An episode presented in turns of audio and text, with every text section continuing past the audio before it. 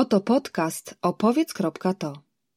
Odcinek szósty, w którym znajdziesz odpowiedzi na pytanie, czy storytelling jest do wszystkiego i dla każdego, a także od czego zacząć, na co zwracać uwagę i dlaczego snucie opowieści w biznesie działa.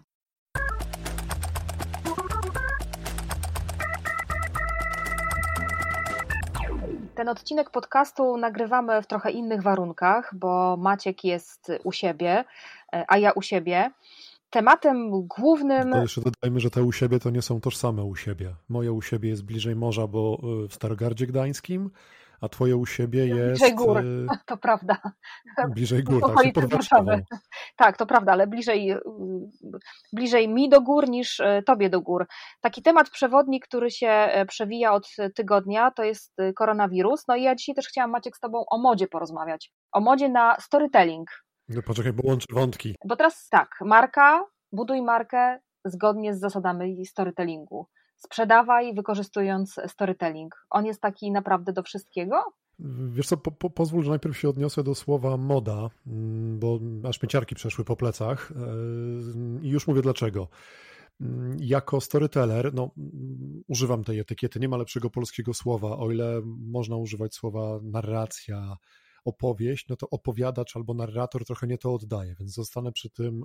Y, bajarz no, też. Ładne słowo mnie się kojarzy tak od razu ogniskowo. Bajarz, gawędziarz, wiesz, ten żar ogniska dogasający w lesie, mm, ale podejrzewam, że będziesz szła w stronę bardziej biznesową, a nie turystyczną, więc to słowo nie będzie odpowiadało. Więc wracam. Jako storyteller bardzo bym sobie życzył, żeby wspomniana przez ciebie moda na storytelling y, już się skończyła. Czemuż? Mm, wiesz co, najlepiej to oddać porównując to do mody, która mm, parę lat temu się przetoczyła i, i, i, i, zebrała niezłe żniwo, a mianowicie mody na coaching. I teraz mam potrzebę mhm. od razu na mhm. wstępie powiedzieć, ja nie neguję tej metody. Wręcz przeciwnie, jestem przekonany, że dobrze przeprowadzony coaching potrafi zrobić świetną robotę. Mm, w dobrze przeprowadzony coaching rozumiem dobrego coacha i chętnego coachi, czyli tej, tej osoby, która się poddaje temu procesowi. Natomiast, ponieważ to się zrobiło modne, no to ja sam wypatrzyłem na mieście, i to będzie to bliższe ciebie miasto, bo Warszawa, dwa szyldy, które utkwi, utkwiły mi mocno w pamięci. Jeden był coach fryzur, no i to jeszcze jest blisko głowy, to mniej więcej rozumiem, a drugi był coach paznokci. I tego mój mały misiowy rozumek nie ogarnął. Niespe... No, ja właśnie teraz ja wklejam wątki. Poczekaj, daj mi chwilę. Coach paznokci? Tak, wiesz co, ile razy idę, no bo przychodzi taki moment cykliczny z racji na regenerację tkanki w ludzkim organizmie, że idę do łazienki obciąć sobie paznokcie, tyle razy próbuję pytaniami je zachęcić do tego, żeby się skróciły, a ja mam papiery coacha, mam dyplomy, no ale a, nie daję rady. Ale paznokcie nie są chętnym coachi, nie, rozumiem. Nie, nie, nie, no może, może w ten sposób. Okay. No i teraz wracając do, e, do pytania. Mm, dla mnie takie mody e, robią więcej e, złego niż dobrego.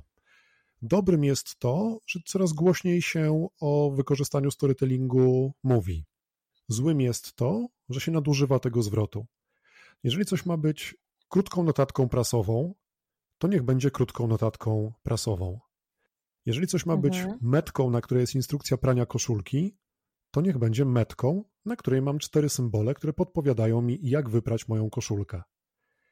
I tam nie pchałbym się ze storytellingiem. Jeżeli to ma być storytelling w sprzedaży, to ja osobiście, chociaż go używam i z niego szkole, nie widzę przestrzeni na to, żeby jedną dobrą historią zrobić rewolucję w sprzedaży. Wychodzę z założenia, że gdyby taka historia miała szansę powstać, to ktoś już dawno by ją stworzył.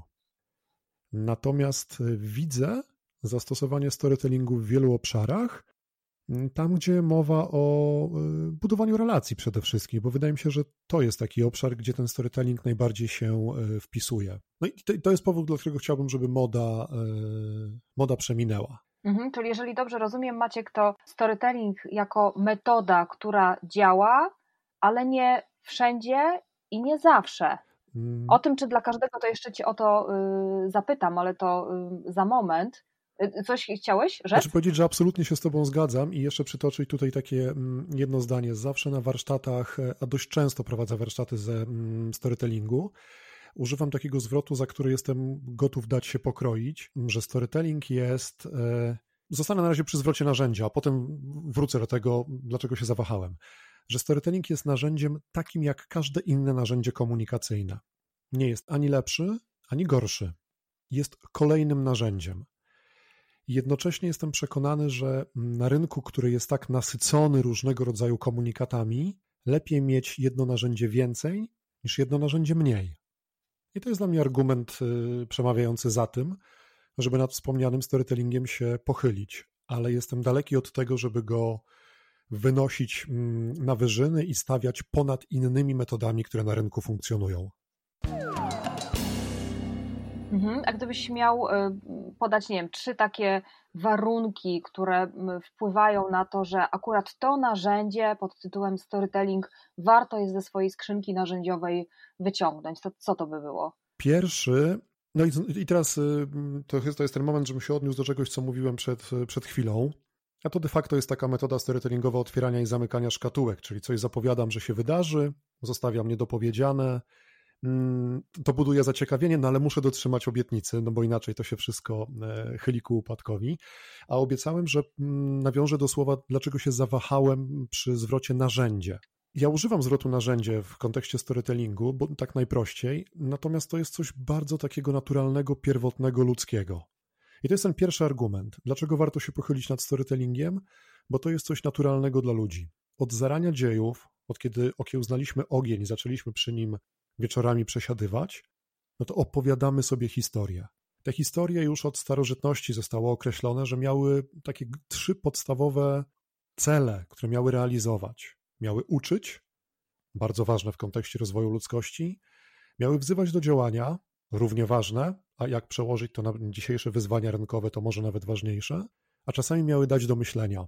Ładnie to jest nazywane emocjonalnym katarzis. No i to są te wszystkie historie, które powodują, że e, my się zastanawiamy, czy to, co robimy, jest na pewno efektywne, na pewno dobre. Czyli pierwszy powód, dla którego warto się pochylić nad storytellingiem, to jest to, że on jest absolutnie naturalny i wpisany, powiedzmy, w genotyp człowieka.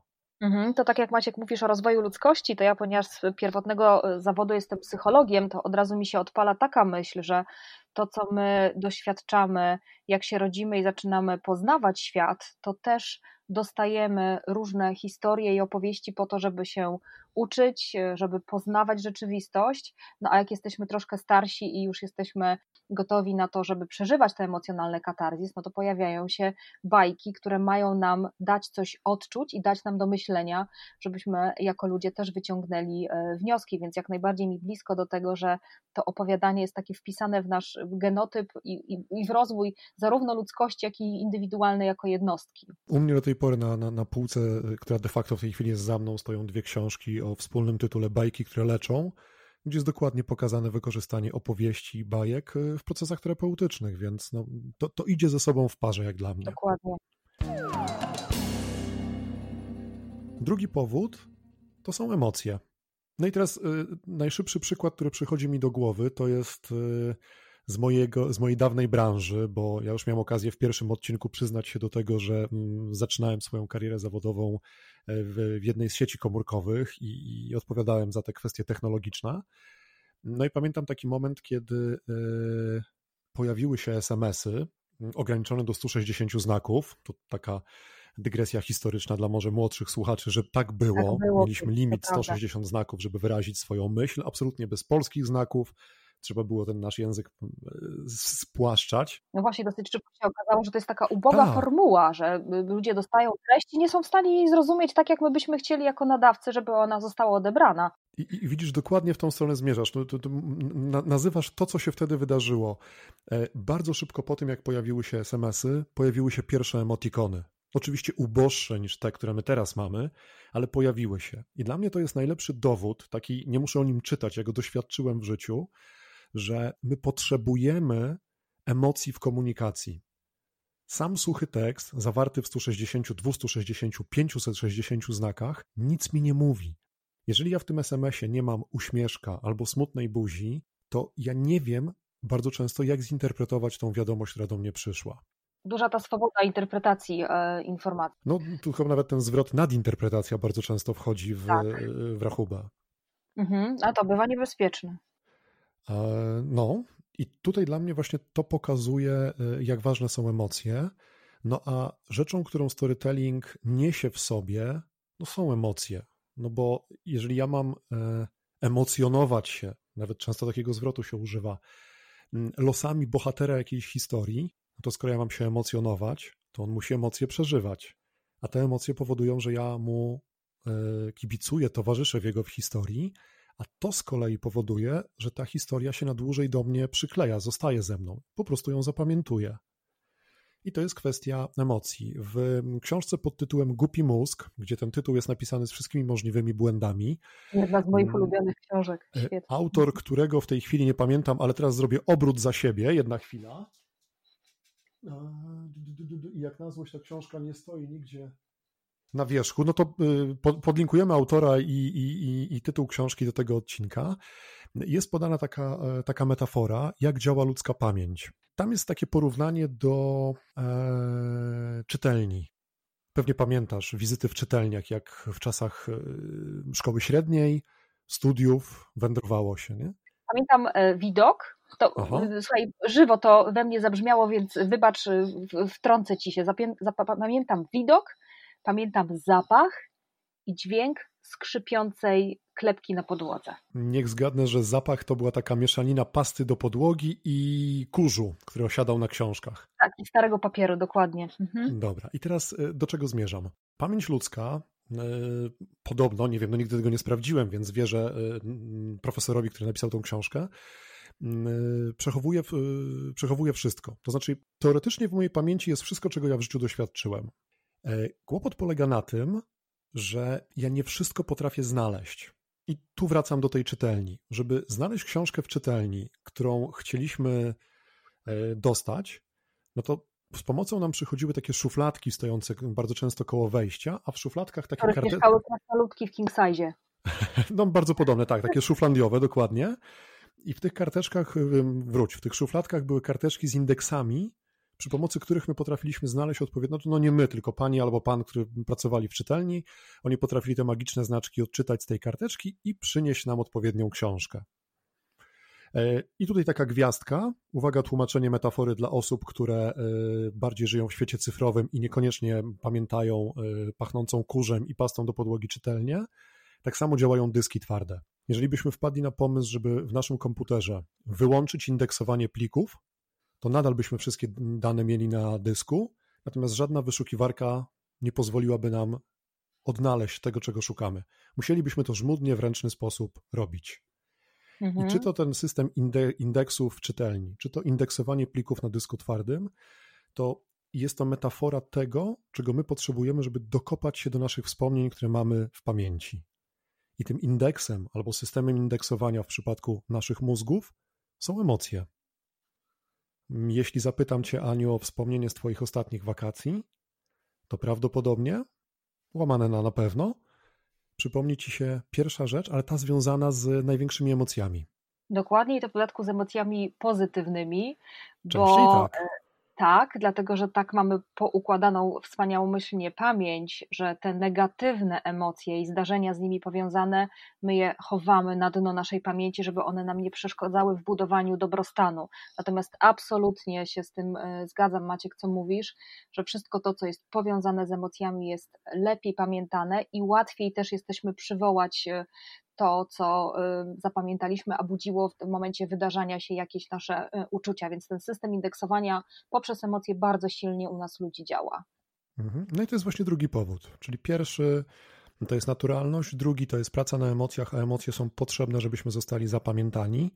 No i tu dodam po raz kolejny, omawiam to często do znudzenia. Żyjemy w czasach, kiedy jesteśmy przeładowani treściami i informacjami. Więc sam fakt, że mój komunikat zostanie zapamiętany przez odbiorcę, Według mnie to już jest bardzo, bardzo dużo.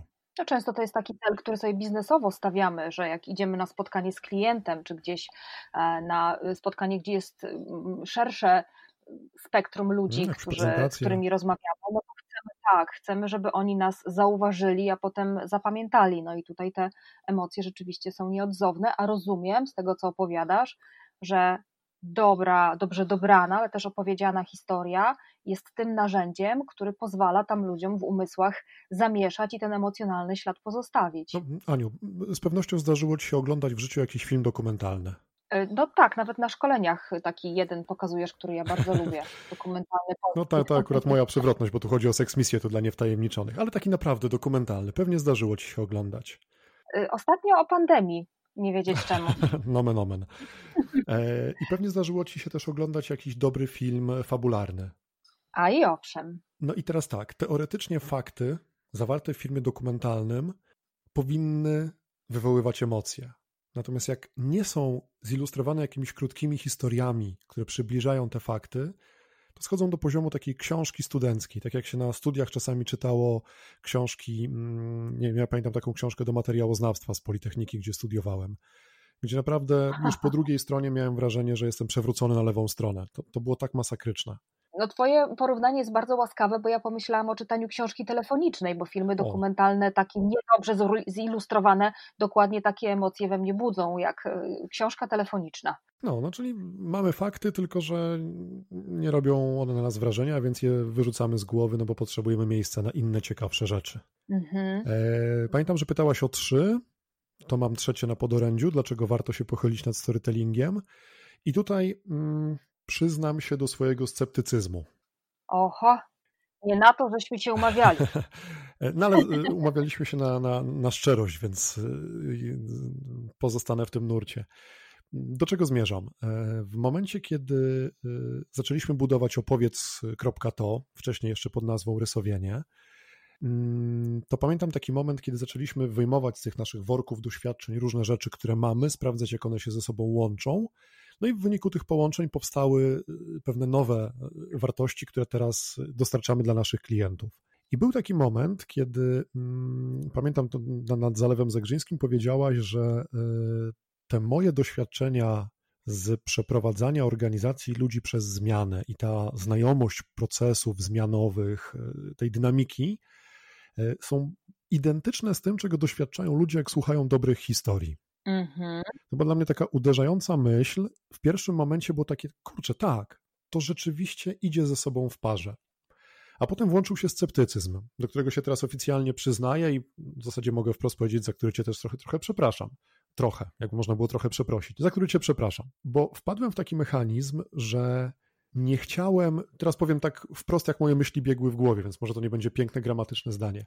Nie chciałem jedną kompetencją opędzać wszystkiego, co jest, e, czym się zajmuję. Miałem takie wrażenie, że na siłę przypinam jedną umiejętność do innego obszaru, a jest to dla mnie o tyle ważne, że mm, przez tyle lat funkcjonowania na rynku zdarzyło mi się widzieć mm, takie próby podciągania jednej umiejętności do wszystkich tematów. Mhm, wszystkich e, jedną umiejętnością, tak? Tak, no mhm. nie cenię tego, nie uważam, żeby to było dobre, więc nie chciałem iść tą drogą. I broniłem się przed tym łączeniem zmiany i storytellingu. Przyznaję, rękoma i nogami tak było.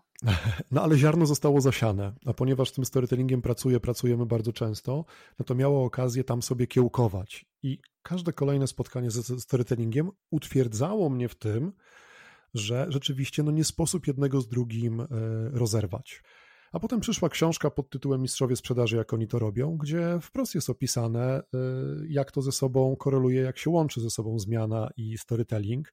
Więc ten niewielki pierwiastek mojego autorytetu zewnętrznego został nakarmiony literaturą, a do reszty dorosłem sobie powoli sam. I puentując tą przydługą odpowiedź na Twoje pytanie, trzy powody, dla których warto się zająć storytellingiem. No to trzecim, no bo pierwszy to była naturalność, drugi to emocje, trzecim jest to, że historia w bardzo taki płynny i naturalny sposób łączy się z tym, w jaki sposób ludzie przechodzą przez zmianę. Zmianę rozumianą jako proces decyzyjny, nie chciałem czegoś kupić, kupuję. Zmianę rozumianą jako no, zmiana w swoim życiu. Nie chciałem zmieniać stylu życia, zmieniłem. Za tym stoi pewien naturalny cykl taki, no, taki właśnie proces y, podejmowania tej decyzji, przechodzenia przez zmianę, a dobra historia idzie dokładnie tym samym rytmem, bo bohater dobrej historii najczęściej na początku wcale nie chce, żeby być, być bohaterem, tylko coś go wzywa do działania, zmusza do działania. Jak go zmusza, to on się waha. Bardzo ludzkie. Ja mam tak bardzo często. No i potem to, co różni bohatera od przeciętnego śmiertelnika, to jest to, że mimo wahania bierze się do roboty. I to jest coś, co ja bym chciał, żeby mi towarzyszyło w każdym momencie mojego życia, żebym jednak ruszał do przodu. Potem, jak już ruszy bohater do przodu, no to nie zawsze mu się udaje. No i znowu ja jako słuchacz, widz, czytelnik mogę tu odnaleźć siebie. Ja też parokrotnie w życiu brałem się za różne rzeczy, no i było ciężko. W niektórych przypadkach odpuściłem. Fajnie by było nie odpuszczać. O kurczę, ten bohater nie odpuścił. Zobaczmy, co u niego dalej. I tak się wciągamy w historię, ponieważ jej cykl jest tożsamy z tym, jak w naszej głowie zachodzi proces zmiany naszego życia. I to jest trzeci z argumentów, który uważam no chyba za najsilniejszy z tych, które wymieniłem. No i w tym procesie zmiany, o którym opowiadasz, też jest bardzo dużo emocji, dzięki i które możemy obsłużyć, o to mam na myśli, że jesteśmy w stanie te emocje naszych odbiorców e, obsłużyć, nakarmić je, zaopiekować się nimi właśnie dzięki takiej e, dobrej opowieści. A jak mówisz o mm, procesie zmiany, to też mi przychodzi taka rzecz do głowy, że ja mam e, zwyczaj pracy metaforą i zdarza mi się mówić o tym, że proces rozwojowy, szkolenie, sprzedaż to jest zabranie ludzi w podróż. No a podróż ma to do siebie, że zaczyna się z punktu A, a kończy w punkcie B. No i tam po drodze dzieją się różne rzeczy i kończymy e, w innym miejscu, w innym momencie, z innym sobą, z innymi myślami i emocjami, niż żeśmy zaczynali. Więc tutaj e, rzeczywiście te opowieści są w stanie nas w taką podróż zabrać i pomóc nam zobaczyć coś nowego, odkryć, czasami też pomierzyć się z wyzwaniami, no ale skończyć w innym lepszym niejednokrotnie e, miejscu, więc fajnie, że, fajnie, że o tym mówisz. No to jak mówisz o innym, e, lepszym niejednokrotnie miejscu, a na początku mówiłaś, że to jest podróż z punktu A do B, to nawet bym powiedział, że bardzo często jest tak, że to jest podróż, która jest planowana na e, przebycie drogi z A do B, a w trakcie tej podróży okazuje się, że my chcemy C albo D. I to też jest bardzo naturalne w historiach, ale też w naszym życiu, że my, jako bohaterowie naszego życia, albo bohaterowie historii, których e, słuchamy albo które oglądamy, mm, dorastają, rozwijają się w trakcie tej podróży, no i nagle okazują się, że e, okazuje się, że chcą czegoś więcej, albo że są w stanie coś więcej dać innym. I to też jest taki element magnetyczny w dobrej historii, że my możemy sobie poobserwować e, rozwój, ewolucję bohatera.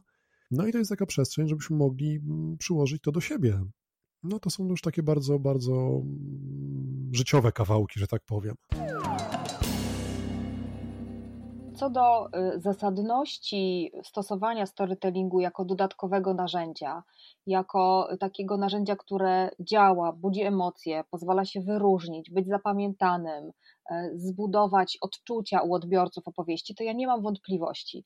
Wątpliwość pojawia mi się wtedy, kiedy uruchamiam w głowie swoje wspomnienia z czasów e, szkolnych, bo wyobrażam sobie, że taki Maciek Cichocki, co to e, maturę ustną z polskiego zdał na szóstkę, i tak jak tego Maćka Cichockiego dzisiaj słucham, to to jest taki facet, który nie ma problemu z gadaniem.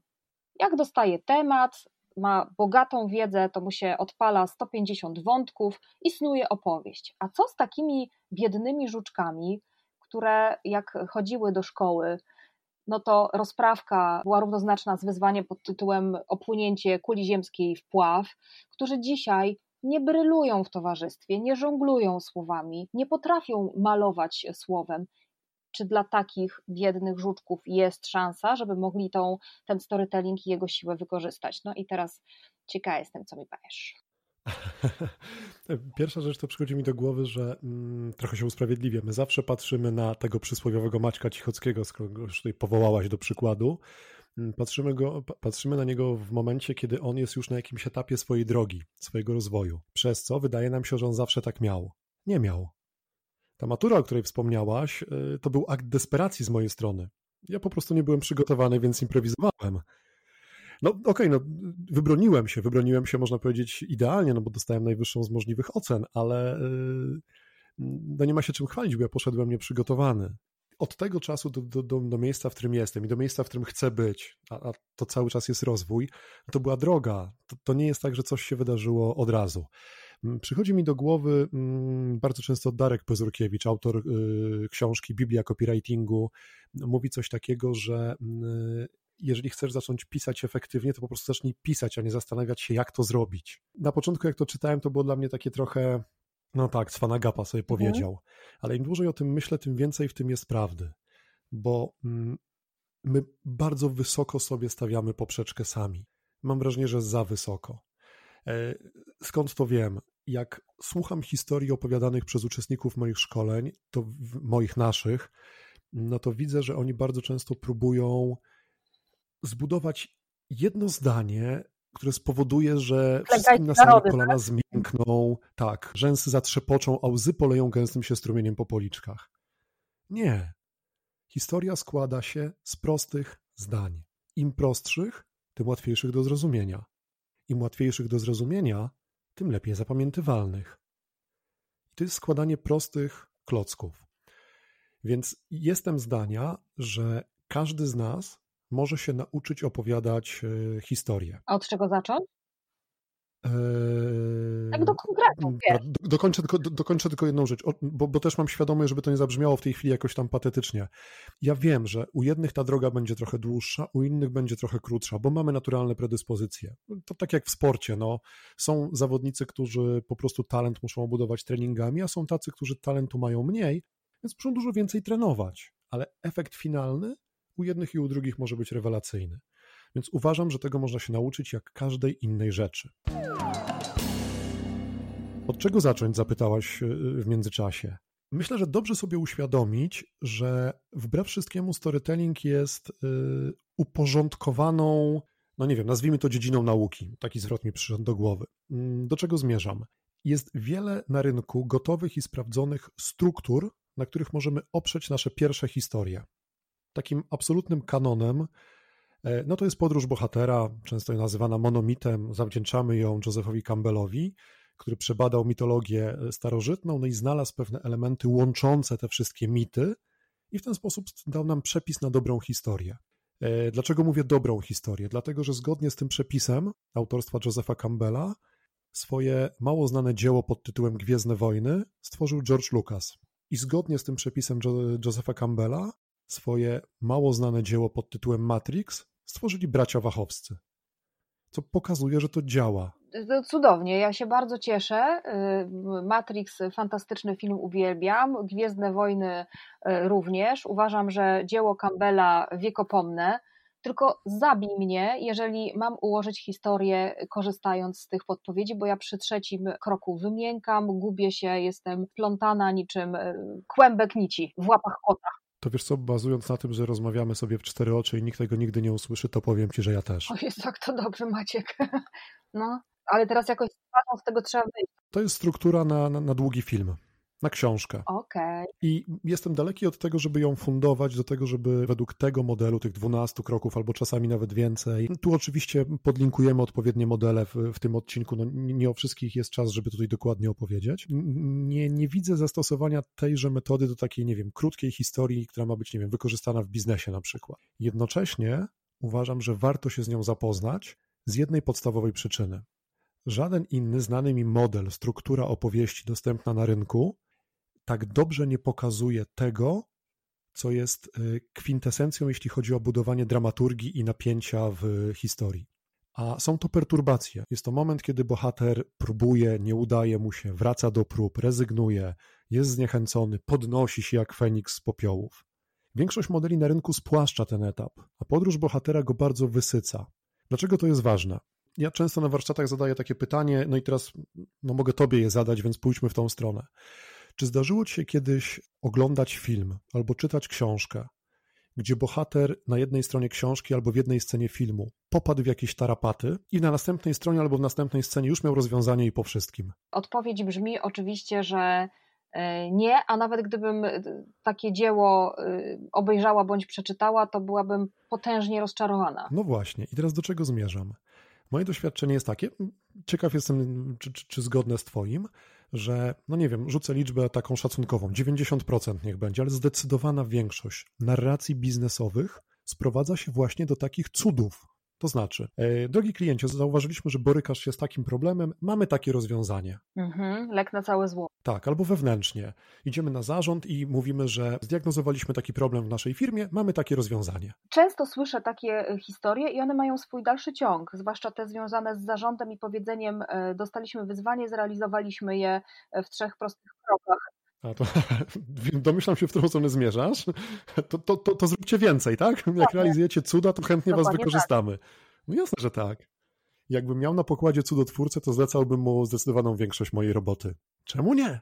W końcu się na tym zna. A Campbell mówi, pokaż, że wcale nie było tak prosto. Tak.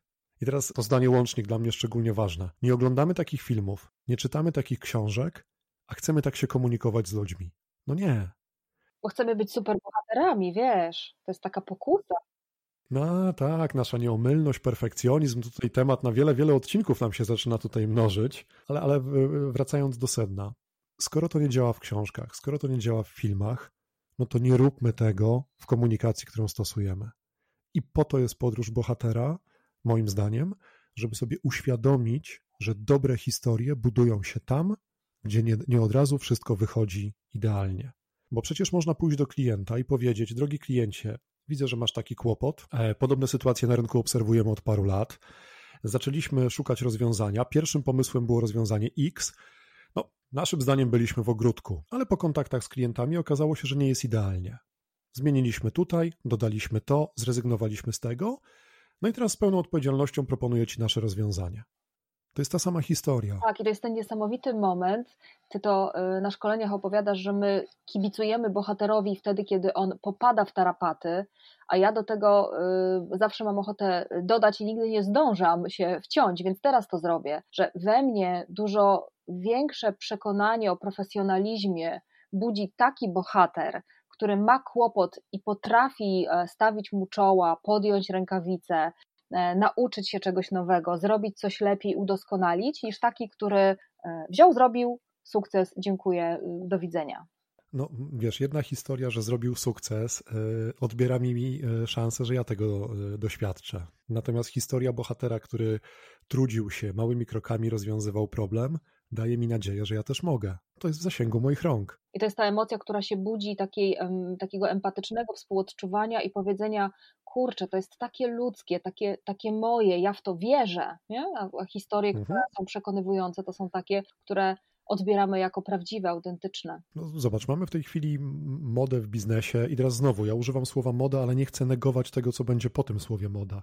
Modę na wdrażanie technologii zwinnych. W różnych obszarach one się wywodzą z produkcji, teraz się rozchodzą szeroką e, rzeką po, po, po wielu branżach i dobrze, bo to, to bardzo wartościowe e, podejście do biznesu, moim zdaniem. No ale w same technologie zwinne przecież wpisane jest ta metoda małych kroków poprawiania y, rzeczy na etapie najmniejszych elementów. Samo już to pokazuje, że tu nie ma mowy o cudzie, no bo finalnie można powiedzieć, że firma taka zaoszczędziła tyle i tyle milionów na, na etapie produkcji. Ale to jest historia o tym, że oni wprowadzili szereg malutkich zmian, nie wszystkie były trafione.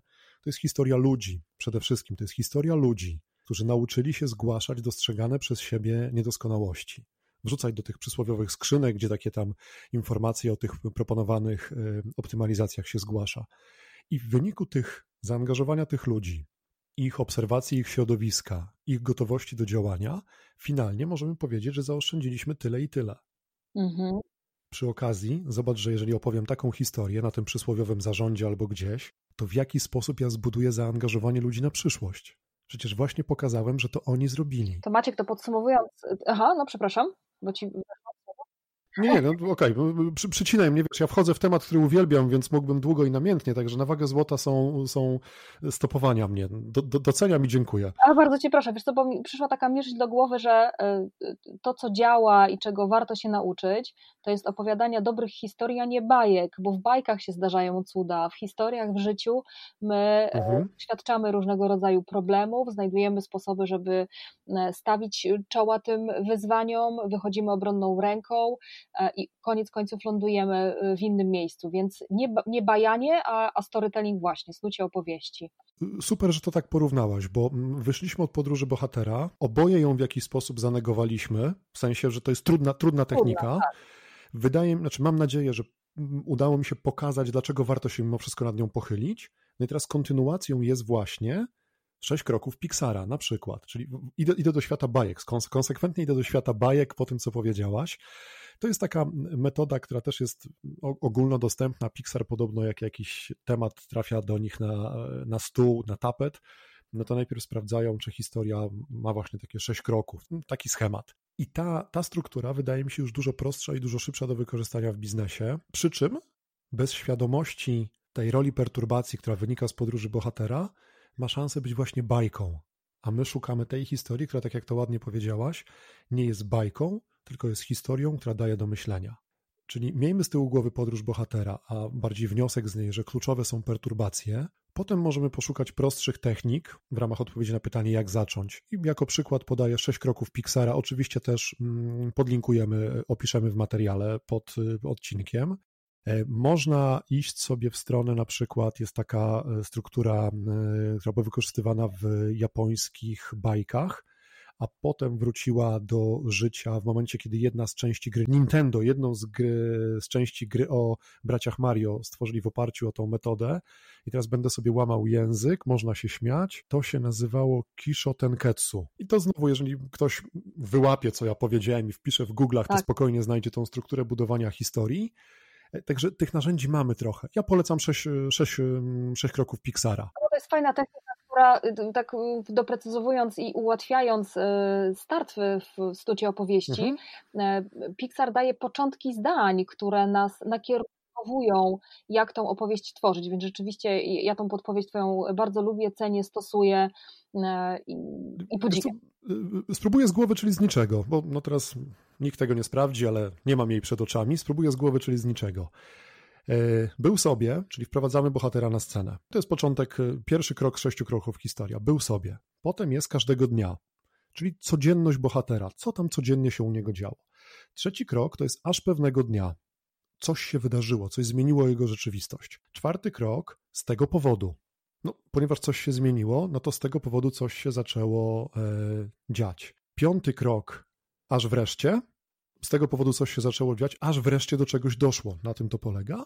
No i szósty krok, odtąd, czyli morał, który płynie z tej historii. Mhm. I to jest sześć kroków y, Pixara, i które rzeczywiście, tak jak mówisz, cudownie intuicyjne to jest. Tak, takie, takie, takie bardzo naturalne i rzeczywiście wymaga kończenia zdań. Czasami warto zamienić zdania, no, że nie był sobie, no bo to jest takie bajkowe, ale może być na przykład, nie wiem, no, pracowaliśmy z takim klientem przychodzi mi do głowy taka sytuacja. E, doświadczyłem czegoś takiego. Zamiast tego był sobie, ale reszta to jest naprawdę kończenie zdań. Tylko jeszcze raz podkreślę, historie robią perturbację bohatera. Więc pamiętajmy o tym z tej podróży bohatera, a potem stosujmy prostsze techniki. Będzie łatwiej, szybciej, strawniej. To nie sztuka się narobić, sztuka, żeby było efektywnie. Teraz słuchaj, żeby, żeby było efektywnie i żeby się nie narobić, to ja mam dla ciebie zdanie do dokończenia. Z żadnej struktury, z mojej głowy. Będzie ciężko. Jesteś gotów? No, nie wiem, czy na to w ogóle można być gotowym, ale wiesz, no, bawmy się. Projekt nasz z Opowiedz to, gdzie wykorzystaliśmy storytelling i jesteś z niego dumny. To? To danie w prezencie ludziom godziny i 52 minut życia. No to teraz rozwiń. to nie jest największy z naszych projektów, ale zawsze przychodzi mi pierwszy do głowy, bo mam do niego olbrzymi e, sentyment. Mm, najłatwiej to sobie wyobrazić w ten sposób. Ci, którzy pracują w dużych firmach, to prawdopodobnie tego e, doświadczają. Raz na jakiś czas, e, czytaj raz na rok albo raz na pół roku, jest takie zebranie, gdzie są podsumowane osiągnięcia firmy w danym okresie. No i w tym konkretnym przypadku, o którym mowa, było to taka zwyczajowa, dwugodzinna nasiadówka, gdzie po prostu idą prezentacja za prezentacją, każdy dział wychodzi, mówi, co miał zrobić, co zrobił, co wyszło, co nie wyszło, czego więcej, czego jeszcze więcej, co kiedyś, co kiedyś. Nie wiem, jak już śpicie, to bardzo dobrze, bo to chciałem pokazać. To jest taka nawalanie faktami. I trafił do nas klient, który no, według mnie miał genialną rzecz, go uwielbiam za ten pomysł. Stwierdził, że mm, chce to zrobić krótko, atrakcyjnie, po to, żeby ludziom oszczędzić tego siedzenia na kolejnej prezentacji. I to jest produkt, z którego jestem dumny, i on jest taki ciepły, taki pluszowy wokół mnie, bo udało nam się ten temat zamknąć w 8 minut, 8 minut historii i obrazu, pokazać wszystko, co ważne, spowodować, że ludzie się uśmiechnęli w paru momentach albo wręcz zaśmiali, zapamiętali, co mieli zapamiętać, a potem mieli godzinę 52 wolnego. No a czas jest tym e, elementem, którego najbardziej łakniemy i potrzebujemy. Więc jak pytasz mnie o taki, z którego jestem najbardziej dumny, to może nie jest to największy biznesowy nasz projekt, na pewno nie jest, ale ten mi przychodzi jako pierwszy mm, do głowy. Co poczekaj, Boże, Boże, zanim mnie tu zaskoczysz następnym pytaniem, to skoro mówisz my, no bo my, bo opowiedz to, opowiedz kropka to, to my, to pozwól, że odbiję piłeczkę. A projekt stworzony przez Opowiedz to, z którego ty jesteś najbardziej zadowolona, dumna, gdzie był wykorzystany storytelling, to? Ym, poczekaj, bo jak prowadzimy szkolenie z publicznych, to, to ja mówię, żeby nie mówić, yy, tylko żeby milczeć, to więc teraz e, wstawimy. chwila zastanowienia. Tak, e, to, to, jest taki projekt, jeden z naszych pierwszych, w którym opowiedzieliśmy historię brandu, tego jak zmieniało się logo na przestrzeni od 66 roku aż po 2016, jeżeli dobrze pamiętam. Takiego mm, no, mało znanego gracza na rynku finansowym firmy Mastercard, gdzie narysowaliśmy naszą pierwszą naścienną opowieść i w niej zawarliśmy historię zmian loga, tak jak wspomniałam, platając to w opowieść o wydarzeniach w poszczególnych latach, kiedy te zmiany się działy. A oprócz tego, że zmieniało się logo, to na przykład y, znane zespoły wydawały swoje płyty, działy się olimpiady, które były sponsorowane przez y, Mastercard, wydarzała się Wielka Orkiestra, Orkiestra Świątecznej Pomocy, która biła swój y, kolejny rekord. Tak powstała taka zmiksowana historia, zobrazowana, zwizualizowana, narysowana na ścianie przy recepcji, zaczynająca się, tak jak wspomniałam, w 1966 roku, kiedy to oprócz tego, że powstało Mastercard, jeszcze wtedy nie nazwane Mastercard. Wiesz co, ja sobie otworzyłem zdjęcie z tej, tej pracy. 66 e, rok, Beatlesi e, zaśpiewali Help, a na antenie e, no rzadko wtedy oglądanej telewizji pojawił się pierwszy animowany serial o Batmanie oraz firma, o której mówimy. Mm, to był też czas lądowania na Księżycu. I to jest na tym rysunku. Właśnie w tej chwili na, ten, na niego patrzę. Tak, i to jest, to jest ten projekt. Jeden obraz jest wart tysiąc słów, a jak słowa to Maciek. Bardzo Ci dziękuję. Wiesz co, jak, jak mowa o słowach, to w międzyczasie mi jeszcze przyszła jedna rzecz do głowy, jeżeli, ale to najwyżej wytniesz mnie, tak, jak uznasz, że to już było niepotrzebne. Dobrze. Bo zapytałaś mnie, e, czy każdy może opowiadać i bardzo mocno zagrało we mnie to pytanie, bo zależy mi na tym, żeby sprowadzać to, no nie chcę mówić tak szumnie pod strzech, ale żeby pokazywać, że tu jest mowa o prostych rzeczach. No i właśnie teraz jak mówisz słowo, bo struktury strukturami, ja o nich wspomniałem, potem złapałem się na tym, że to się zrobiło takie bezduszne, takie narzędziowe to może jeszcze dwie rzeczy, żeby było bliżej i szybciej do zastosowania. Bardzo proszę. Historia to są słowa. I ja mam dużą przyjemność z zabawy słowami, z eksperymentowania, które słowo co powoduje. I jako pierwszy krok, zostawmy tą etykietę storytelling na razie z boku. Jako pierwszy krok do efektywności komunikacyjnej, w którą storytelling się wpisuje, ale to nie jest jedyna metoda, to jest pobawić się słowami. Do czego zmierzam? Wyobraź sobie, że otwierasz gazetę i czytasz taką oto notatkę prasową. Na skrzyżowaniu ulicy X i Y w mieście Z zderzyły się dwa samochody. Jeden z nich jechał z prędkością taką. Mhm. A teraz z jakiegoś powodu bierzesz drugą gazetę, inny dziennikarz opisuje tą samą sytuację. E, w miejscowości takiej i takiej, na skrzyżowaniu ulic takich i takich, zderzyły się dwa samochody. Jeden z nich pędził z taką prędkością. Który jechał szybciej? No ten, co pędził. To jest zabawa słowami. E, mamy bogactwo języka polskiego. Ja nie jestem specjalistą językowym, bardzo bym chciał, e, ale, ale to nie jest akurat moja domena. Cały czas się uczę, mm, doszkalam. Natomiast to nawet słychać dla ucha. Zobacz, jaką historię zrobi samochód, który jechał, a jaką zrobił samochód, który pędził. No i żyjemy w e, tym momencie, kiedy te słowa mają kolosalne znaczenie i można sobie I wziąć... są nadużywane niestety. Dokładnie. Pierwszy lepszy portal odpalić i popatrzeć, jak przekazywane są fakty na temat e, epidemii, która się dzieje na naszych oczach i jak opisywana jest historia, której jesteśmy e, współautorami. I tutaj rzeczywiście odpowiedzialny za słowa... Co, ja tylko mam potrzebę, potrzebę dodać jedną rzecz, bo ja mam wrażenie, że ta historia nie jest opisywana, ona jest kreowana. Bo słuchałem ostatnio podcastu naszego zaprzyjaźnionego Setek Inspiracji, gdzie Adam Walryjańczyk słusznie zauważył, że w jakimś odcinku wiadomości, do których się odwoływał, była wzmianka o tym, że został wyleczony pacjent zero. Wzmianka trwała 30 sekund. Resztę wiadomości, które trwają do pół godziny, to było bombardowanie nas tym, co jest straszne. Ja nie mówię, że sytuacja nie jest trudna, ale mam wrażenie, że warto też szukać pozytywów i w nich też dbać o przekaz taki, żeby on zostawał. Bo najłatwiej jest straszyć. To jest stosunkowo proste do zrobienia. Pytanie, czy zawsze musimy?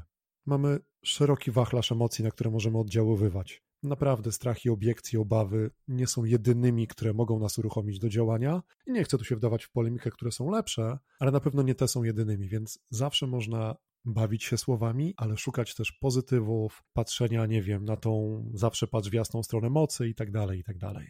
No i w tym wszystkim, co powiedziałeś w ostatnich kilku zdaniach, Maciek, mam wrażenie, że jest e, kwintesencja tego odcinka. Słowa, opowieść to jest narzędzie, jedno z wielu. To jest mhm. narzędzie, które ma potężną moc, narzędzie, którego się można nauczyć po to, żeby go wykorzystywać świadomie. Tym katalizatorem, który sprawia, że to narzędzie działa, są emocje, a opowieścią je właśnie y, budzimy. No i storytelling jest nie do wszystkiego, ale dla każdego, bo są proste struktury, które pomagają nam poukładać te historie, które tworzymy tak, żeby one zrealizowały zakładany przez nas cel. Coś do dodania? Cisza żeby nie przegadać tego, jak to podsumowałaś, bo sam tego lepiej nie zrobię. Absolutnie się z Tobą zgadzam. A cisza w opowieściach też jest potrzebna. Bardzo Wam dziękujemy za spotkanie. Maciek, Tobie za fantastyczne opowieści. Anna Kędzierska. Maciek Cichocki. Opowiedz.to. A w następnym odcinku obiecujemy, że zamienimy rolę i teraz Aniu uważaj, to ja Cię rozstrzelam pytaniami w kontekście cały czas bliskim storytellingowi, ale digital storytellingowi, czyli przyjrzymy się temu, jak te historie łączyć z nowoczesnymi mediami, które nas otaczają. No i tu zapowiadam, że ja cię będę męczył, no bo to ty ściągnęłaś, także za to odpowiadasz. Strzelaj, a ja nie będę uciekać, będzie ci łatwiej. Bardzo dziękuję Dobra. za dzisiaj. Dziękujemy za słuchanie. Wszystkiego dobrego.